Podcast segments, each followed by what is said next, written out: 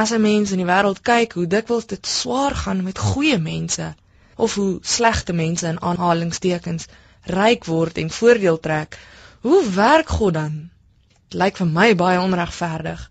Lukas 18 gee vir ons 'n aanduiding dat God nie 'n onregverdige God is nie. Die gelykenis van 'n ongelowige regter wat na aanhoudende versoeke van 'n weduwee tog instem om geregtigheid aan haar saak te laat geskied. Hoeveel te meer skryf Lukas sal God nie geregtigheid laat geskied en regverdig wees nie. Ons Here is regverdige Here tot wie ons kan bid en kan vertrou. Die antwoord van die gebed lyk dalk heel anders as wat ons verwag het, maar tog bly hy regverdig.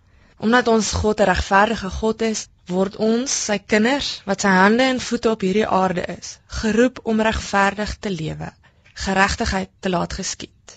Jesus se interaksie met die oorspelige vrou waarvan ons in Johannes 8 lees, help ons hiermee. Die vrou het haar man verneek en moes met klippe doodgegooi word. Jesus sê dan die bekende woorde: "Laat die een wat sonder sonde is, die eerste klip gooi." En niemand kon nie. Nadat almal weg is, gesels Jesus met die vrou en vergewe haar, wat eintlik onregverdig is want sy het sonde gedoen. Maar die Here kies die pad van liefde en nie van veroordeling nie. Dit daag ons uit. Hoe laat ons regverdigheid geskied in die konteks waar ons leef? Ons sien dalk hoe iemand onregverdiglik veroordeel of gestereotipeer word as gevolg van hulle klas of ras.